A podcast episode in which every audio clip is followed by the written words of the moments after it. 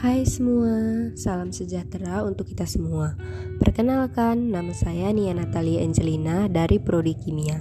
Saya adalah mahasiswa baru di Institut Teknologi Sumatera. Di podcast kali ini, saya akan membahas planning saya saat ini hingga masa depan, atau bisa dibilang planning jangka panjang dan jangka pendek yang saya ingin wujudkan.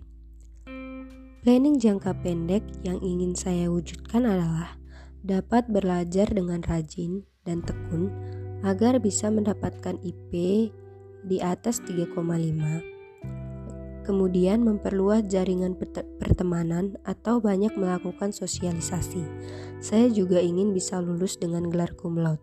Saya ingin bisa membuat orang tua saya bangga dengan prestasi yang saya dapatkan.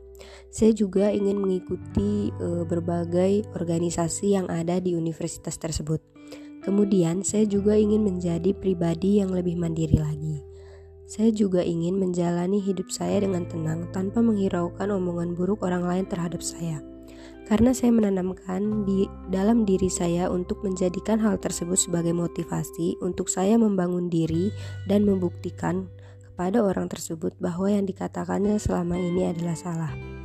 Kemudian, planning jangka panjang yang ingin saya lakukan adalah setelah saya lulus S1, saya ingin melanjutkan bekerja agar saya bisa menabung untuk melanjutkan S2 saya. Dan setelah saya lulus S2, sambil bekerja, saya juga ingin menikah dengan laki-laki yang saya cintai, kemudian memiliki dua orang anak. Namun, sebelum menikah, saya juga ingin membeli rumah dan dapat membahagiakan orang tua saya.